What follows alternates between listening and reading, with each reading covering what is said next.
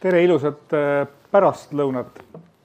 me oleme tulnud siia, et äh, rääkida natuke raamatust, mis äh, kahe tuhande kolmandal aastal peaks olema kõigil kohustuslikuks öökapi lektüüriks. või lennukis. kuidas? või lennukis lugeda. või lennukis lugeda. ja, ja siis püüame aru saada nüüd natukene ka sellest, mis on viimase aasta jooksul juhtunud. Ukraina sõjapäevikud on raamatu nimi ja autor Rainer Saks istub äh, siinsamas. kõige esimene küsimus on see, et, äh, et siin on kirjutatud Ukraina sõjapäevikud, aga kui ma võtan selle raamatu lahti ja natukene lehitsen, siis kõige esimese asjana ma näen, et siin on just nagu väikesed sellised miniesseed siin vahepeal ja, ja seejärel just nagu päevik toimub, et eh, ma saan aru, et sul oli küll eh, geniaalne toimetaja eh, Hannes Rummi näol. Hannes on siin, istub seal, meie Hannes Rumm. aga kuidas te selle päeviku kokkuvõttes mõtlesite teha lugejale, lugeja sõbralikuks? sellepärast, et tegelikult eh, mina olles noh, selle päeviku püsilugeja jooksvalt, mõtlesin ka, et see nagu, kui need kõik sissekanded üksteise kõrval kokku panna, siis siis ta võib kaunis tüütuks minna. eks ta nii oligi, ega me, meil väga palju äh, ei olnudki vaja selle peale mõelda, et, et kui neid lihtsalt päeviku sissekandeid avaldada, siis tal on küll teatav väärtus, et ta on nagu kättevõetav ja, ja lehitsetav.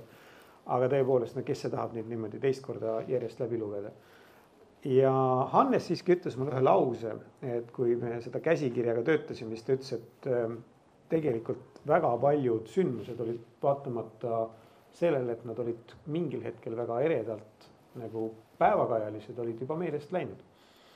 ja päeviku sissekanded siin raamatus lõpevad veebruarikuuga, aga sündmused lähevad edasi, selle tõttu võib tulla ka järg. ja, ja me mõtlesime, et, et kuna me ei saa teha nagu suuri kokkuvõtteid sellest sõjast, siis võib-olla see, mis võiks olla lugejale huvitav, on, on see, et kui me võrdleme nüüd päeviku sissekandeid tagantjärele teadmisega, et, et mis siis juhtus. ja kui mul on, kuna mul on olnud natukene atsakust nendes äh, blogipostitustes äh, ennustada, mis võiks juhtuda, et siis saab nagu enesekriitiliselt hinnata, et kas, kas on nüüd nagu need ennustused on nagu pigem täppi läinud siis või pigem ei ole. ja see on tegelikult, ma loodan, et selle raamatu kõige suurem väärtus, lisaks me kirjutasime vahele siis mõned äh, nagu selgitavad lõigud nagu selle kohta, et mis on nagu selle sõja peateemad siis minu arvates. ja see võib-olla on see teine nagu lisandväärtus, mis selles raamatus on praegu. ma eh, lehitsesin seda raamatut eh, põhjalikult ja jäin mõttesse, et eh, kes see autor on, selles tähenduses, et ta on ajaloolane, ta on endine luureja, analüütik kes ta siis nagu selles, selle raamatu kontekstis on? jah, kõige, kõige pikemalt ma oma elus olen töötanud bürokraadina, aga, aga olen ka üht-teist märganud elu jooksul ja, ja siis siin on ikkagi äh, talletatud äh, päris palju neid teadmisi, mida ma olen Ukraina kohta kogenud, kogunud või mida on koge, kogunenud aastate jooksul ja ma sissejuhatuses ka nagu lühidalt märgin, et äh, et sellel raamatul on ühtepidi autor minu enda teadmised Ukraina kohta või noh, minu noh, siis äh, läbimõeldud nagu siis niisugused mõtted. aga teistpidi ma nimetan ka siin on terve rida inimesi, kes on mind väga palju aidanud äh, ja, ja kellega ma koos olen nende Ukraina teemadel töötanud, need on Eestis, need on väljaspool Eestit, aga no näiteks täna meil on siin Mati Maasikas istub äh,, meie Euroopa Liidu suursaadik äh, Kiievis äh, Tiit Matsulevitš näiteks istub siin, kes, kes pikalt on töötanud Kiievis erinevas rollis, olnud suursaadik Kiievis. Kindlasti leiab siit veel inimesi, kes on nagu olnud nagu sellesse raamatusse panustajad selles mõttes, et nende kogemusi ja teadmisi ma olen siis ka endaga kaasa korjanud. Indrek Kannik istub siin seal taganurgas, kellega ma suhtlen igapäevaselt Ukraina teemadel ja Indrek on mu vana kolleeg, kes, kes tunneb ka Ukrainat väga hästi. nii et äh, neid inimesi on päris palju. see on selles suhtes jah huvitav, et, noh, teades seda sinu bürokraatia tausta, siis ma mõtlesin ka, et milles seisneb sinu informatsiooni unikaalsus. sellepärast, et meil on ju Eestis Igor Taro ja Teet Kalmus, kes on tunnustajad, tunnustatud sõjablogijad ja ja seejärel äh, oled ka sina ja ma pean ütlema, et mina isiklikult viimasel, äh, viimase paari kuu jooksul lõpuks jõudsingi nii kaugele, et ma loen ainult sind. Äh, aga see on võib-olla seotud rohkem stilistikast ja võib-olla soovist uskuda, et sul on olnud unikaalseid allikaid, mida teistel ei ole. aga kas mul oli õigus või ma lihtsalt lasin ennast stiilist ära petta? Mina küll loen Igor Taro sisseandeid iga päev siiamaale ja olen vaimse tervise juures täiesti. Eh, Igori väärtus on selles, et nad, nad on ka minu jaoks nagu allikad ja tema loeb mingisuguseid selliseid blogisid, mida mina sellepärast ei pea lugema. ja nagu ka näiteks Teet Kalmus loeb mingeid selliseid blogisid, mida mina ei pea lugema, ma suhtlen nendega natuke niisama ka, aga aga ma suhtlen veel tegelikult väga paljude inimestega, kes tegelevad Ukrainaga ja kes võib-olla jah, nagu noh, igapäevaselt niimoodi esile ei astu ja uurin ka nende käest, mis on toimumas aga ma arvan, et, et noh, minu võib-olla teadmiste unikaalsus on kõige rohkem selles, et ma olen kunagi mingil eluetapil ka ukrainlaste endiga väga lähedalt suhelnud. ja ma pean silmas siis nende ukrainlastega, kes tol ajal tegid Ukrainas mingisuguseid otsuseid.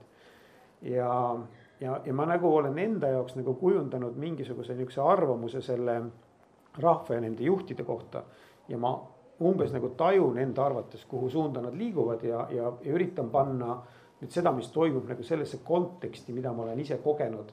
noh, nii, nii teise Maidani ajal järel, äh, esimese Maidani ajal ja selle järel.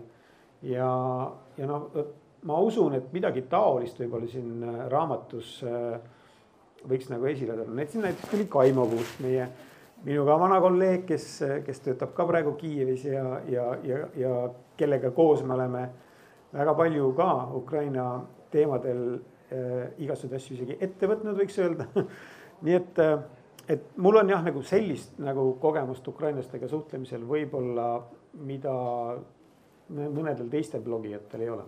aga siiski ma tahaks äh, nagu veel detailidesse süüvida, et kui ärme võtame nüüd mõne postituse, mis on juba siin raamatus, aga noh, kõige viimane asi, sa kommenteerisid ka Putini kõnet juba ja kui sa jõuad sellise päeva juurde, kus noh, on mingisugune märgiline sündmus siiski tehtud, et eh, mida sa teed enne, kui sa kirjutama hakkad või kuidas see su loomeprotsess nii-öelda käib? Eh, vaevaliselt, eh, sellepärast et tavaliselt sündmused ikkagi toimuvad nagu sellisel ajal, kus, kus see lugemine ei ole kõige mugavam, peab, peab muid kohustusi ka täitma. aga minu jaoks tegelikult Eh, noh, ma ütlen siis ausalt, et, et noh, näiteks niimoodi Putini kõnet kommenteerida ei ole väga keeruline, sest ma avaldan oma arvamust, ega ma ei oska seal öelda mingit absoluutset tõde. Ja, ja kui tõtt öelda, siis ma olen pidanud erinevas rollis tema kõnesid eh, kuhugi kommenteerima aastast üheksakümmend üheksa. nii et ta on minu jaoks väga lähedane inimene selles mõttes, et ma ma nagu tean ta eraelust päris palju tunnen tema tema harjumusi, et. Äh, nagu neetud kaasteeline. nojah, nagu selline, et ta on lihtsalt minu jaoks selline inimene, keda ma olen pidanud lähemalt tundma õppima. Temaga isiklikult kordagi kohtunud ei ole, et Venemaal olen küll käinud äh, presidendiga kohtumas, aga siis oli teine president. hea küll, räägime nüüd natukene selle puhul siis äh, Ukrainast endast ka. noh, ma mõtlesin, et, et selle raamatuga noh, see võiks ju nagu ajalookroonikat valda minna niimoodi nagu Eestis on läbi ajaloo ikka olnud kuulsaid kroonikuid. Äh, Läti Hendrik ja siis äh, Baltasar Russov ja nii edasi, nüüd Rainer Saks, kes räägib Ukrainast ja siis tulevad hiljem ajaloolased, kes ütlevad, et noh, Rainer Saksa järgi me perioodiseerime selle sõja alguse. et kui sina paneksid selle sõja nüüd praegu esimese aasta jooksul mingi, mingisugustesse etappidesse, kuidas sa seda teed? No vot, see on tegelikult niisugune asi, mille, millega ma natuke nägin vaeva, aga, aga ma, kuna see raamat ei lõpe, vaid ta jääb pooleli. sellepärast, et kahjuks see sõda ei ole lõppenud ja, ja tegelikult noh, oli ka selge jaanuarikuus, et see sõda niipea ei lõpe, et ma olen siin oma arvamust ka korduvalt muutnud, siis äh, tõepoolest, et teinekord on nii, et see, kes esimesena periodiseerib, see jääb, periodiseering jääb kehtima isegi siis, kui see pole relevantne, eks ju. seda on juhtunud küll ja küll, aga äh, ma arvan, et, et selle sõja algus on ikkagi mm, paigutatav äh, kahte võimalikku tärminisse ja üldse mitte kakskümmend neli veebruar. kakskümmend kaks, ka selle kahekümne neljanda veebruari üle võib, võib hakata diskuteerima. ma siiski arvan, et see on ukrainlaste enda privileeg öelda, et millal see algas, aga niimoodi, kui ma nüüd siin nagu natukene sobrasin vanades failides ja vaatasin tagasi, siis on seal on nagu kaks nagu sellist momenti on, mida võib öelda, et see sõda hakkas nagu kerima. üks on noh, laias laastus esimene Maidan ja sellele eelnenud sündmused ja sellest hetkest on kuidagi näha, et, et kahe riigi suhted väga kiiresti liiguvad nagu, hakkavad liikuma kokkupõrkekursil ja, ja tegelikult seda sai ka toona ennustatud. et kui nii läheb edasi, siis vaieldamatult või paratamatult lõpeb äh, sellise kokkupõrkega mingil kujul. Ja teine, teine see selline sündmus oli, oli seal kuskil Janukovitši ametiajal enne, enne teise Maidani algust et seal mõned otsused, mida ta tegi, niisugused, mis hakkasid nagu ühiskonnas nagu rohkem nagu ärritust esile kutsuma, et. et äh, noh, see on ka niisugune rohkem skolastiline vaidlus, aga, aga tegelikult ma ikkagi paneksin selle sõja nii-öelda alguspunkti sinna esimese Maidani aega. See on, ma olen sinuga nõus, aga see on selles suhtes väga huvitav, et äh, kuidas, kuidas sa vastaksid nendele konspiratsiooniteooria armastajatele, kes siis ütlevad, et noh, põhimõtteliselt nii esimene kui teine Maidan oli tegelikult lääneriikide korraldatud ja, ja siinkohal ma tulen tagasi Eha Moskvõi avaldatud vestluse juurde, kus tehti intervjuu USA kaitseministeeriumis töötanud Vene tõlgiga, kes tõlkis mitut kohtumist Putiniga ja rääkis, kuidas Putin esialgu üritas Eh, läänemaailmale väga meeldida ja siis mingi, mingisugusel hetkel pettus ja ühel esimesel kohtumisel Obama ajal, siis Obama ka küsis, et miks, et aga mis siis Bushiga valesti läks. ja Putin vastas, et aga, et oli teil siis vaja seda Maidani korraldada. mille peale ameeriklased äh,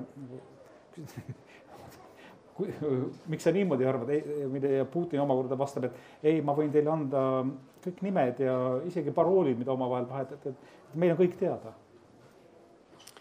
jah, ega, ega selles mõttes see üldmulje oli kahtlemata niisugune natukene võib-olla eksitav, sest väga paljud lääne poliitikud tormasid sinna Maidanile osalema.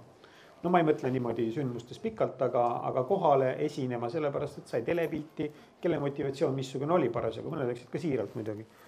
ja see muidugi täiendas seda muljet nagu, mis oli juba nagunii Moskvas täiesti vildak, aga ei, siin ongi nagu see vahe ja mina olen nagu sügavalt veendunud ja mul, ma olin väga hädas seda selgitada ka lääne kolleegidele, et, et tegelikult see, see, see ei ole mingisugune niisugune, see, mis Maidanil toimub, et seal on muidugi aktivistid ja need on nagu teatud osa, aktiivne osa Ukraina ähm, inimestest siis. aga see on palju sügavam kogu ühiskonnas, et see on näha, et see süveneb kogu aeg see trend, eks ju. ja, ja see, et see tuleb Maidanil niimoodi esile, nagu näitab lihtsalt seda ukrainlaste otsustuskindlust ja, ja nad ei lase, neil on väärikus ja mis on see kõige olulisem, millest Venemaa president ei saa aru. Ukrainlastel on väga kõrge eneseväärikus või noh, nad on niisugused äh, uhked inimesed. ja, ja sellest üle rullida ja seda nagu alla suruda ja solvata on, on nagu minu arust nagu täiesti lootusetu ettevõtmine. ja see teine Maidan näitas seda veel selgemalt, et kui ikkagi hakati neid relvitud inimesi tulistama ja selle asemel, et laiali joosta, hakkasid nad nende tulistajatele nagu peale tungima et noh, see nagu näitab, mis on see nende noh, see vaimne nagu tugevus ja, ja, ja nad ei, nad ei hooli endast, nad tahavad, eks ju, midagi nagu väga niisugust väärtuslikku ja, ja põhimõttelist saavutada. et no minu jaoks nagu ei ole siin üldse mingit küsimustki, et see ei saa tulla mitte kuidagi väljastpoolt mm. -hmm. kui,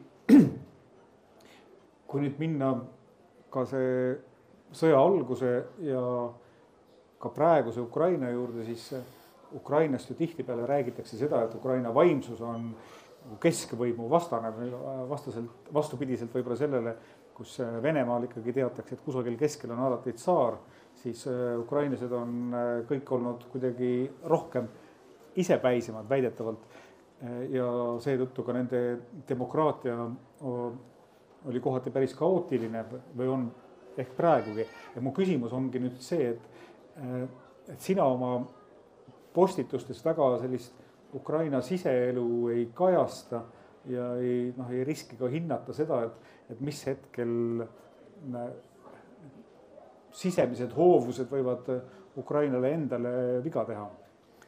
No ma täiesti teadlikult ei, ei lähe sisepoliitikasse. Ja tegelikult seal on nagu puhtalt nagu see eel, eesmärk, et äh, ma ei taha kuhjata sinna postitustesse niisugust virvarri äh, erinevatest infoklibakatest ja ma olen mingisuguse põhiliini välja kujundanud ja üritan seda jälgida. ja siis näidata seda dünaamikat nagu, et noh, see on nagu see, see põhiline eesmärk. aga Ukraina sisepoliitika on muidugi nagu selline väga suur väljakutse ja noh, ma väidan, et noh, praegu see, see ei tundu nii võib-olla ka äh, oluline, sellepärast et nad on teinud mingisuguse sisemise rahu äh,, kuigi noh, see ei ole ka nagu totaalne aga selles riigis on teatud äh, vastuolud olemas, teatud piirkondade vahel, teatud ühiskonnagruppide vahel, nagu igas teises ühiskonnas. väga suur maa, äh, väga erineva ajalooga, erinevad nurgad. ja, ja selle tõttu näis, mis peale seda saab toimuma. aga ma olen täiesti veendunud, et selle sõja tõttu on nad väga palju asju ümber hinnanud ja, ja ümber väärtustanud ja nüüd ei ole ju vahet, kes rindel langevad, on nad seal pärit Borispolist või on nad pärit seal mm -hmm. kuskilt äh, Tšernigovist või Tšernovtsõõst või, või kust iganes. võitlevad koos ja, ja kui veel näiteks siin kaks tuhat neliteist, viisteist räägiti, et noh, minu arust natuke ekslikult, et valdav enamus võitlejaid tuli Lääne-Ukrainast. tegelikult, kui sa vaatasid juba toona, et kes olid seal võitlemas, eks ju, nendes äh, vabatahtlike pataljonides oli täiesti segamini üle kogu Ukraina, ei olnud seal midagi niisugust, et olid lääne äh, oblastite sotned ja, ja idaoblastite omad, nii et ma arvan, et see nagu. see rahvaks kasvamise protsess on nüüd nagu tegelikult kiirenenud oluliselt tänu Venemaa käitumisele.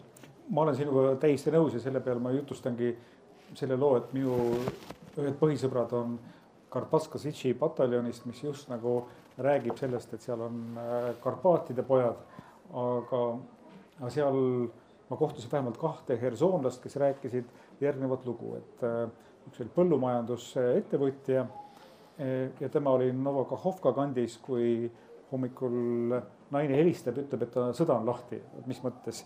vastab tema, et äh, ei, ei, no nüüd tuleb ära põgeneda.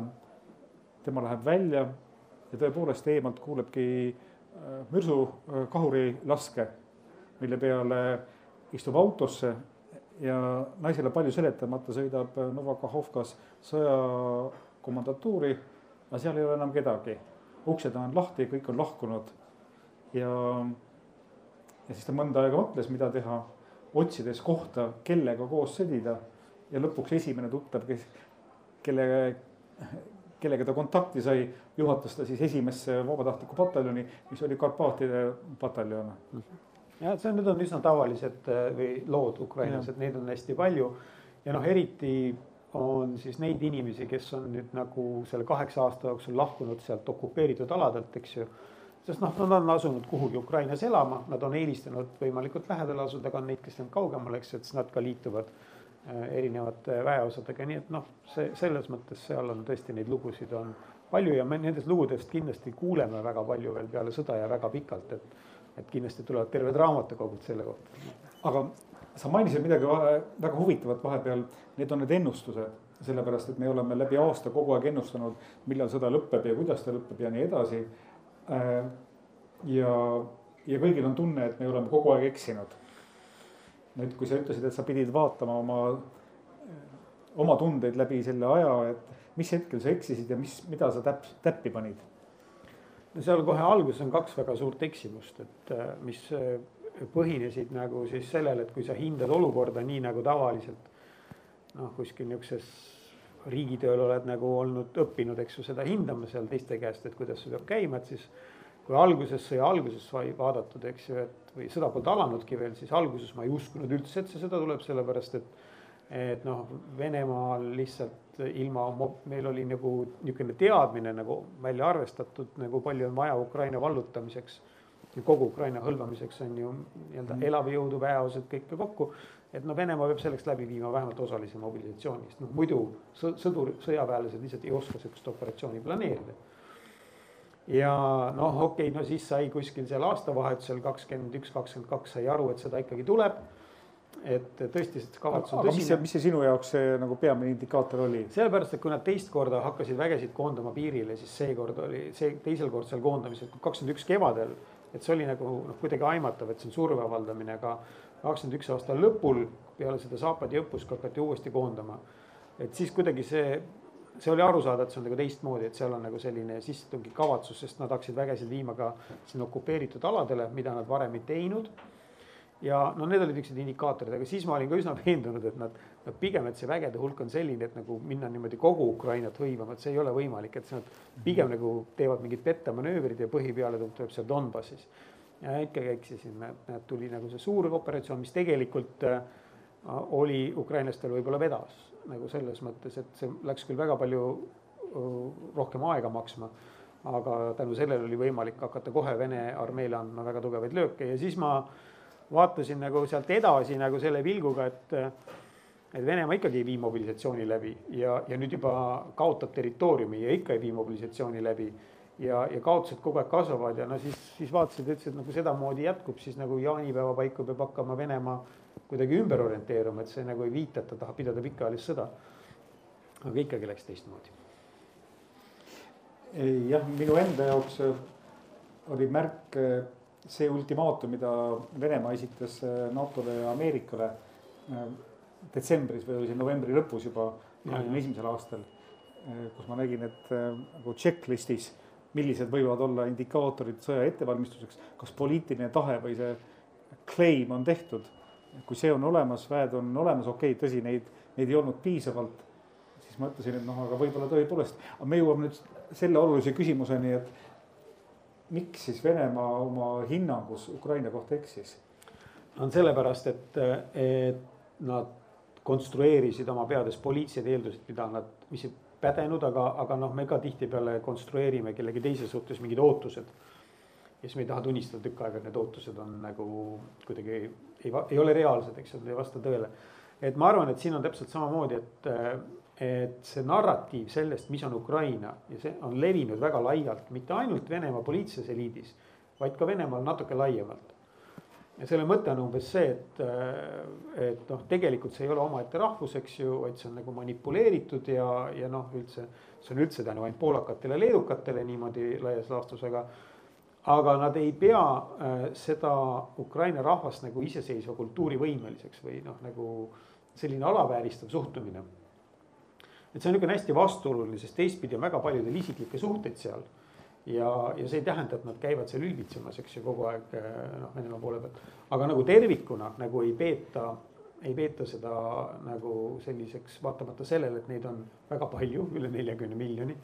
et siiski nagu kuidagi nagu ei taha Venemaa eliit võtta vastu seda mõtet, et neil on mingi teistsugune enesetunnetus kui, kui venelastel aga kas see nüüd tähendab seda, et, et taoline eksimus ongi venelastele iseloomulik, et nad jäävadki eksima või et, et see reaalsuse kontroll tuleb ühel hetkel tagasi? no mida meile räägiti siis, kui Nõukogude Liit lagunes, et teil ei ole võimalust, teil ei ole oskust, teil ei ole noh, te ei suuda luua oma riiki. tegelikult ma võib-olla noh, ütleks, et see on see põhiline, mida arvatakse. aga, aga see, mis tekitab hirmu ja mis kannustab takka siis Venemaa juhtkonda, on see, et ja seda nad näevad, et see Ukraina poliitiline eliit triivib nagu teises suunas. ja, ja see NATO-ga eh, noh, ütleme lähenemine ju tegelikult algas peale esimest Maidani. seda nii Jušenko kui -hmm. kui Timošenko ajal ju tegelikult üritati teha mingeid ühiseid õppuseid ja mis muide nurjusid, eks ju, tänu sellele, et Sevastoopolis olid mingid rahva meeleavaldused eh, selle ühisõppuste vastu, et et, et tegelikult noh, see on üks asi, teine asi, mis neid nagu, nagu seda suunda lükkas, oli see, et, et Krimmis ja, ja paljudes ka Ida-Ukraina nurkades oli siiski nagu selline väga tugev venemeelsus ka nagu väga noh, üldises plaanis. ja, ja see kõik jõudis kuidagi Moskvasse ja, ja noh, nad hakkasid tegema selles mõttes vigu et nad hakkasid siis neid nagu endameelseid elimineerima sellest äh, Ukraina nagu poliitikast, eks ju, ja, ja selle tõttu äh, nagu see konsolideerus nagu see läänemeelne pool ja muutus nagu väga-väga dominantseks mingil hetkel. nii et, äh, et noh, see on nagu selles mõttes õpetlik lugu nagu äh, äh, mõlema kohta, eks ju, mõlema poole kohta, et kuidas nagu asjad võivad kulgeda, kui üks pool järjepanu lähtub valedest eeldustest ja teeb nagu väga nagu äh, korralikke vigu, siis lõpuks see võib eskaleeruda sinnamaale, kuhu ta eskaleerus. kui, kui ma räägin nüüd raamatu toonist, siis ähm, noh, see on selline äh, ratsionaalne optimism, mis sealt äh, peamiselt just nagu läbi kumab. ehk et sa ei lase nagu paista võimalust läbi selle aasta, et, äh, et nüüd Ukraina kaotab ja seejärel see viimne päev valgub üle piiride üle kogu regiooni. ja, ja seejärel siis ma mõtlen selle peale, et Ukraina enda sõjablogijate no nii üks superstaaridest on Arestovitš, kes on ühtlasi ka psühholoog. mis on sinu ja Arestovitši vahe? sellepärast, et mina kontrollin emotsioone psühholoog saab endale seda lubada, et ta ei kontrolli oma emotsioone. aga äh, ma arvan seda, et äh, optimist oleme olnud algusest peale ja minu väide aastast juba seal mingi kaks tuhat kaks või üks on see, et Ukraina on Venemaale liiga suur tükk alla neelata. et ka Vene tsaaririik vallutas Ukraina jupphaaval, mitte ühe korraga. ja viimased tükid üldse, mis tänapäeva Ukraina on, saadi kätte alles tuhat üheksasada kolmkümmend üheksa või noh, nelikümmend viis ütleme. nii et ainuüksi juba, juba see mõttekäik peaks nagu nagu olema nagu piisav nagu põhjus optimismiks, ütleks noh sest nüüd on ka vastas hoopis teistsugune Ukraina rahvas, kui ta on olnud nagu nende sajandite vältel. ja mina arvan lihtsalt seda, et äh, Ukraina rahvas on, on, äh, on lihtsalt niivõrd kange, et nad ei lase endal nagu pähe istuda ja selle tõttu nad võidavad selle sõja lõpuks. aga nüüd kaks päeva tagasi olid sa majandusjulgeoleku konverentsil, kus äh, päris mitu korda mööndi, et, et see aasta võib lõppeda ka patiseisuga seda, et Venemaa saab kontrolli Ukraina üle kohe. ei, seda mitte jah. et ma mõtlen, et selles mõttes on see või ikkagi võit Ukraina jaoks, sellepärast et Venemaa eesmärgid olid hoopis teistsugused. patiseis võib hakata lihtsalt nagu pikas perspektiivis nagu seda Ukrainat vedama kraavi. aga no see on teine lugu, et esialgu ei ole ka sinna patiseisu veel jõutud ja, ja noh, ütleme siis niimoodi, et, et Venemaal on äh, kõik eeldused see sõda kaotada ja Ukrainal on tegelikult täiesti võime see sõda võita, aga see ka ei tähenda, et see sõda lõpeb nagu mingisuguse dokumendi allakirjutamisega tingimata mm. -hmm. aga ma ei usu, et Venemaa suudab äh, purustada Ukraina, et seda kindlasti ma ei usu see ei ole enam võimalik, ma arvan. kui viimane küsimus oleks äh, palve, et sa natuke peegeldaksid mu ühte mu kogemust. Äh, et kui mina olen käinud seal rindeüksuste juures, siis ma mõtlen, et see kindlasti ei ole representatiivne, aga noh, valdavalt äh, ei ole nendeni jõudnud äh, see lääne relvastus. nüüd ühe üksuse juures oli jutt sellest, et, et meile nüüd saabusid äh, Prantsuse Caesarid kuhugi sinna brigaadi suurtükigrupi juurde ja et see tõepoolest on otsekui öö, öö ja päev võrreldes eelneva öö, selle suurtüki patareiga, mis seal oli, mis oli siis äh, ei olnud Eestis, oli, oli Nõukogude värk, aga noh, mille, mille sisu oli see, et näidati drooni pealt, et, et näed, seal on tank ja siis nad nagu lasevad ja lasevad ja äh, läheb selle tanki ümber vasakule-paremale ja tank ei liigu ära ka kuhugi.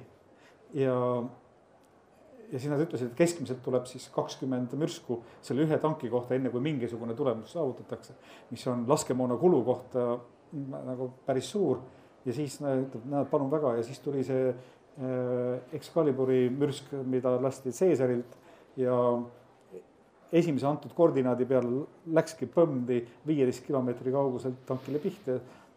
aga probleem on selles, et näed, et seda Caesari oli kusagil mujal vaja, et nüüd viidi ära ja praegusel hetkel meil jällegi nagu suurtüki toetust ei ole. ja siis samal ajal, kuidas nendega endiga on olukord, no viimase kolme kuuga on, on ka nemad jälle kolmkümmend protsenti isikkoosseisust kaotanud. ja ma saan aru, et seal rindel neist keegi ei kuula neid äh, sõjablogijaid. Nad loevad nagu oma Telegrami lugusid, mis on üsna kohutavad. ja ma mõtlen, et äh, kas ma saaksin neile ütelda, et teate, mis kaugemalt ja eemalt vaadates teil läheb päris hästi saad küll, kas sa saad öelda ka, kus sul need sõbrad on umbes, mis piirkonnas? Kreminna kandis.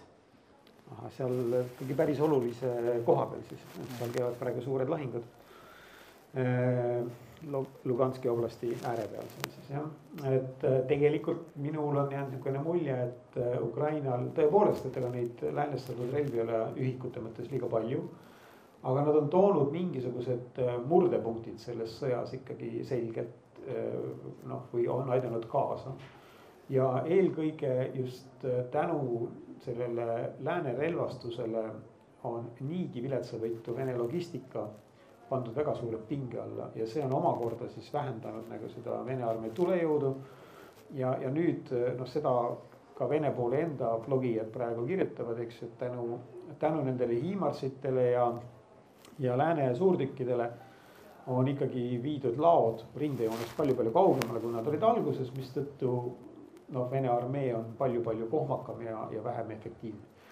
nii et, et selles mõttes ikkagi kaugelt vaadates jah, ma, ma saan aru küll, et ukrainlastel on väga raske ja ebamugav, aga aga minu arust sellel tei-, oluline on see, et sellel teisel poolel läheb kogu aeg raskemaks mm. -hmm. ukrainlastel nagu läheb kogu aeg natukene kergemaks ja Vene armeel läheb kogu aeg natukene raskemaks et see on nagu väga hea trend, et ma loodan, et see, et see nagu kestab edasi.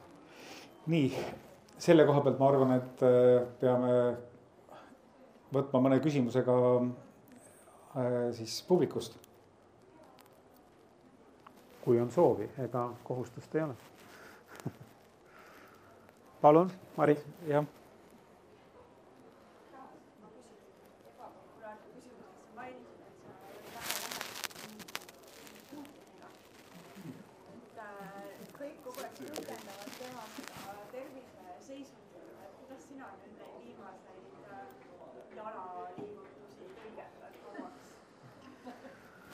inimene on närvis, noh, mis, mis sa teed, et ei ole kõige mõnusam hetk tema elus, kindlasti seda mitte ja, ja näha on ju ka seda, et tema tervis tõesti on nagu viimasel siin paaril aastal eriti on nagu selgelt halvenenud, ega see ei ole ka mingi saladus, et aga ma olen tavaliselt olen öelnud, kes pöörduvad minu nii-öelda kui eksperdi poole selle küsimusega nagu tõsiselt, ma olen öelnud, et et ärge selle peale lootke või ärge selle peale nagu mingit strateegiat tehke või ärge jääge seda ootama, et et teie võtke arvesse, et on igavene ja, ja, ja, ja planeerige selle vastu.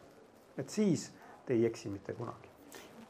tegelikult selle peale ma kohe küsingi, et sa ütled, et ärme looda äh, presidendi äh, siis äh, süvenevale haigusele. millal sa selle blogimise või päeviku pidamise järele jätad?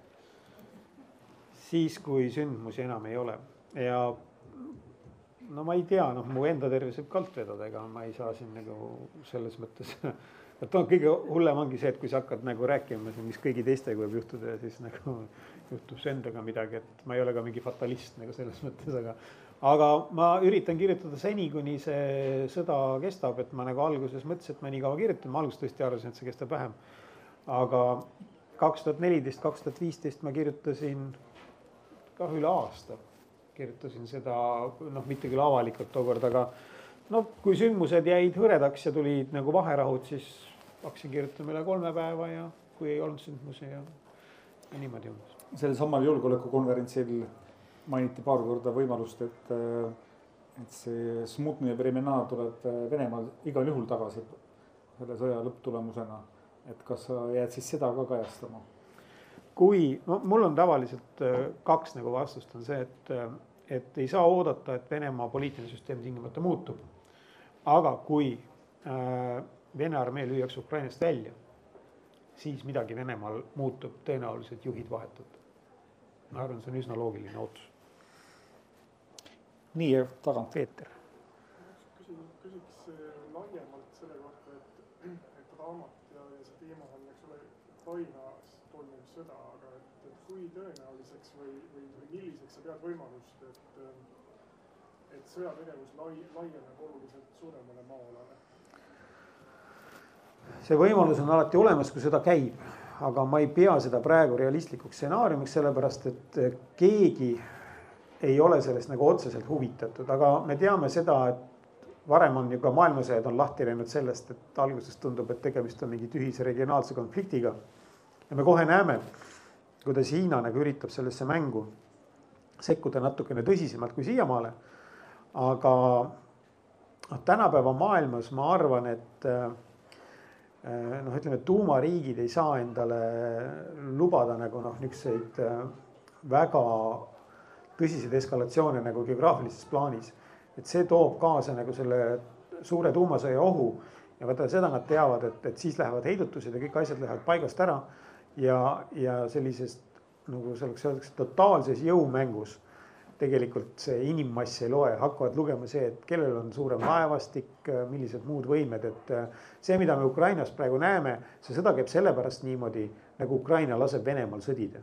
ja Venemaa sõdib nii, nagu Ukraina laseb tal sõdida. lihtsalt sellepärast mul oleks ka siin äh, kaks äh, sellist väikest lisadetaili, et, et Ukrainas olles ütlevad seal väga paljud, et, et saame aru, et kui lääs oleks tahtnud, oleks see sõda juba ammu lõppenud. aga lääs ei taha, et see sõda kohe lõpeb. no see on, see on spekulatiivne väide, aga noh, niimoodi nad on teinekord seda rääkinud. ja nüüd äh, oli kolm päeva äh, või neli päeva tagasi äh, Kirkin, Strelkov siis ütles äh, ühe, ühe seiga, mis oli otse kui meie Stratkomi tellitud. ehk et ta vastas küsimusele, talt küsiti, et kas Venemaal ei oleks praegu lääne sekkumisele vastuseks äh, õige aeg rünnata Baltikumi mille peale Kirkin-Serkov vastas, et äh, jah, kui me tahame, et me Vene armee võimalikult kiiresti kõik kaotaks et jah, et äh, see, see, see on nagu see küsimus, et, et juhul kui Venemaa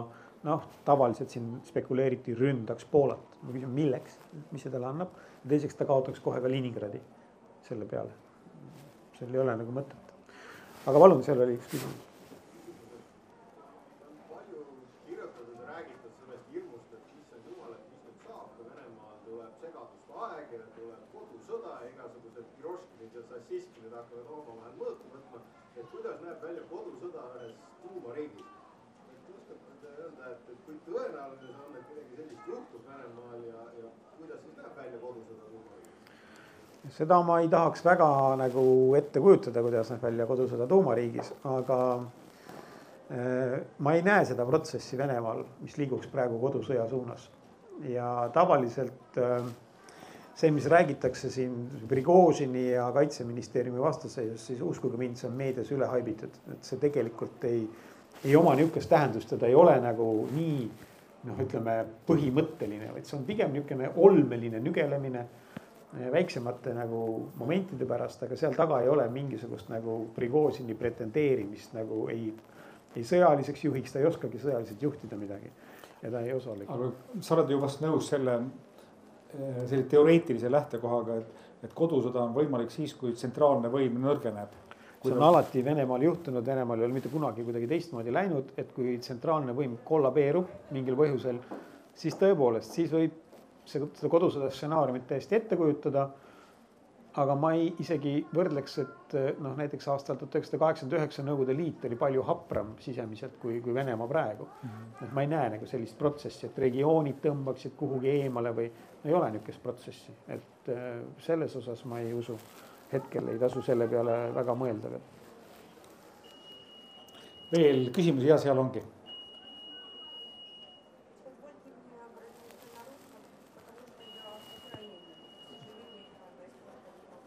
Пожалуйста.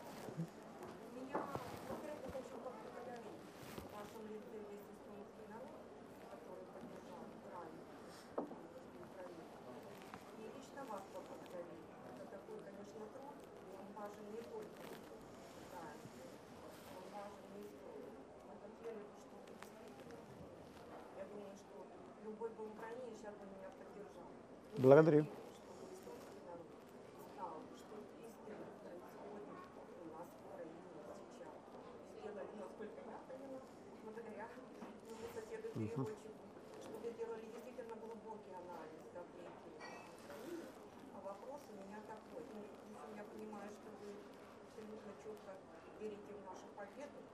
Да. будет. Точно. Да. А у меня вопрос такой. Ваше личное мнение о нашем президенте именно в момент войны. Насколько он сыграл важную роль? Я-то понятно люблю я, наверное, на эстонском отвечаю, и тогда Hannes вам переводит. et ähm, no Zelenski rolli ei võta temalt enam mitte keegi ära, et me ei saa mitte kunagi teada, kuidas oleks teistmoodi. ja ta kahtlemata on mõnes mõttes praegusel hetkel täiuslik president Ukraina jaoks. et äh, ta teeb just seda tööd, mida, mida Ukrainal on kõige rohkem vaja, et ta on see Ukraina nägu. ja ta ei pretendeeri nagu ka samas nagu mingisugusele niisugusele sõjapealiku rollile, vaid ta on jäänud rahva presidendiks. et see on nagu väga tähtis, et ta, ta käib küll ringi, on ju kamuflaažis ja, ja ta näitab, et ta kaitseb, osaleb oma riigi kaitsel, aga ta ei ta ei ole nagu see, kes käib armeed juhtimas ja, ja seal on nagu ka sisemiselt, eks ju, kui me vaatame seda, kuidas riik toimib, mis on minu arust Ukraina üks kõige suuremaid saavutusi, et Ukraina riik toimib edasi. Siis ka seal on ka, täidavad oma rolli peaminister, teised ministrid, Ukraina pank, eks ju, et, et see ei ole niimoodi, et Zelenskõi sõidab nagu kõigest üle. et see on nagu väga hea ja mina ausalt öelda, ma ei oska Eesti ühiskonda niisuguses olukorras ette kujutada, ma, ma isegi ei püüa seda teha. et noh, selline ikkagi Zelenskõi puhul, mis võib öelda, on see, et ta, ta on nagu selle globaalses pildis mänginud sellise tugeva liidri rolli väga hästi välja.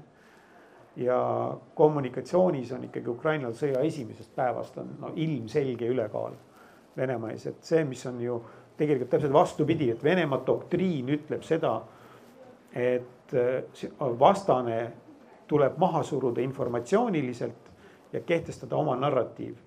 Aga Ukrainas on läinud nagu vastupidi, eks ju, või noh, enam-vähem, et ei saa öelda, et sada protsenti, aga no ütleme üheksakümmend või kaheksakümmend viis. nii et selles mõttes on ta unikaalne. aga mis on Ukraina tugevus, on see, et ka see president ei ole asendamatu ja ma arvan, see on kõige tähtsam väga hea. Nii palun, nüüd on päris pikalt räägitud, et. võib-olla võtame viimase küsimuse, kui see Kui teil on- praegu on, kui on enne kui te saate küsida autogramme. ilmselt äh, autogrammide, jaa, palun. palun, Jelena. praktilise küsimuse, et kas on plaanis inglise keelde tõlkida? ei, ma ei ole üldse mingit plaani teinud, see, ma, ma ei hakanud ka seda blogi tegema niimoodi, et, et raamat tuleb, aga noh, lihtsalt tuli. on niisugune unikaalne asi, et võib-olla noh, teistes riikides ka oleks aitäh, Jelena, ma jätan selle meelde. Tiit, mul ei ole küsimusi, mul on ettepanek. palun. loe palun ette mingisugune väga oluline tunnuslause või kaks tunnuslauset sellest raamatust. see on nagu ütleme, Šveiki tunnuslause on kell kuus õhtul pärast sõda.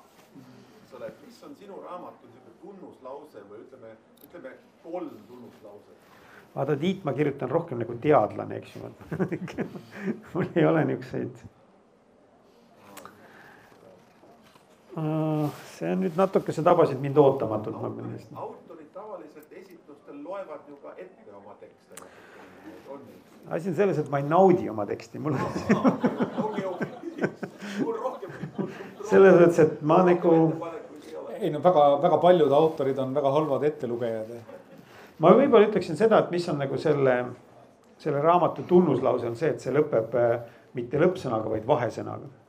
See on nagu selle raamatu tunnuslause, mitte et te peate kunagi veel ühe raamatu ostma. ma kõige parema meelega ma ei kirjutakski seda järge selles mõttes, et parem oleks, kui see sõda lõpeks. aga äh, see on nagu tegelikult äh, ma, ma ütlen ka täitsa tõsiselt, et, et kunagi tahaks ja ma usun, et ma ei suuda seda üksi teha, aga kunagi tahaks niimoodi grupi äh, teadjatega kirjutada mingit natuke tõsisema käsitluse, mis läheb nagu sügavamale ja vaatab neid protsesside omavahelisi seoseid ja asju. Et siis võib-olla ja teine asi, mida siin raamatus ei ole, ma kraapisin siit emotsioonid välja. lihtsalt sellepärast, et, et see ei ole nagu pisara kiskumise raamat. ja me kõik teame, mis seal toimub, kui kole see on, aga ma jätsin sellega täiesti teadlikult kõrvale. ja, ja, aga teema on lihtsalt niivõrd noh, õudne, et ei, ei julge väga palju ka nalja visata, ukrainlased on väga huumori ka rahvas ja vaadake, milliseid meeme nad toodavad sõja ajal, erakordselt vaimukaid. aga no ma ei julgenud neid kasutada, sest see sõda tegelikult ei ole naljakas, et see on nende õigus naerda selle üle ise ja noh, me ei saa kõrvalt naerda. nii, ma arvan, et sellega on meie vestlus äh, siinkohal otsa lõppenud. täname autorit aitäh, aitäh tulemast muidugi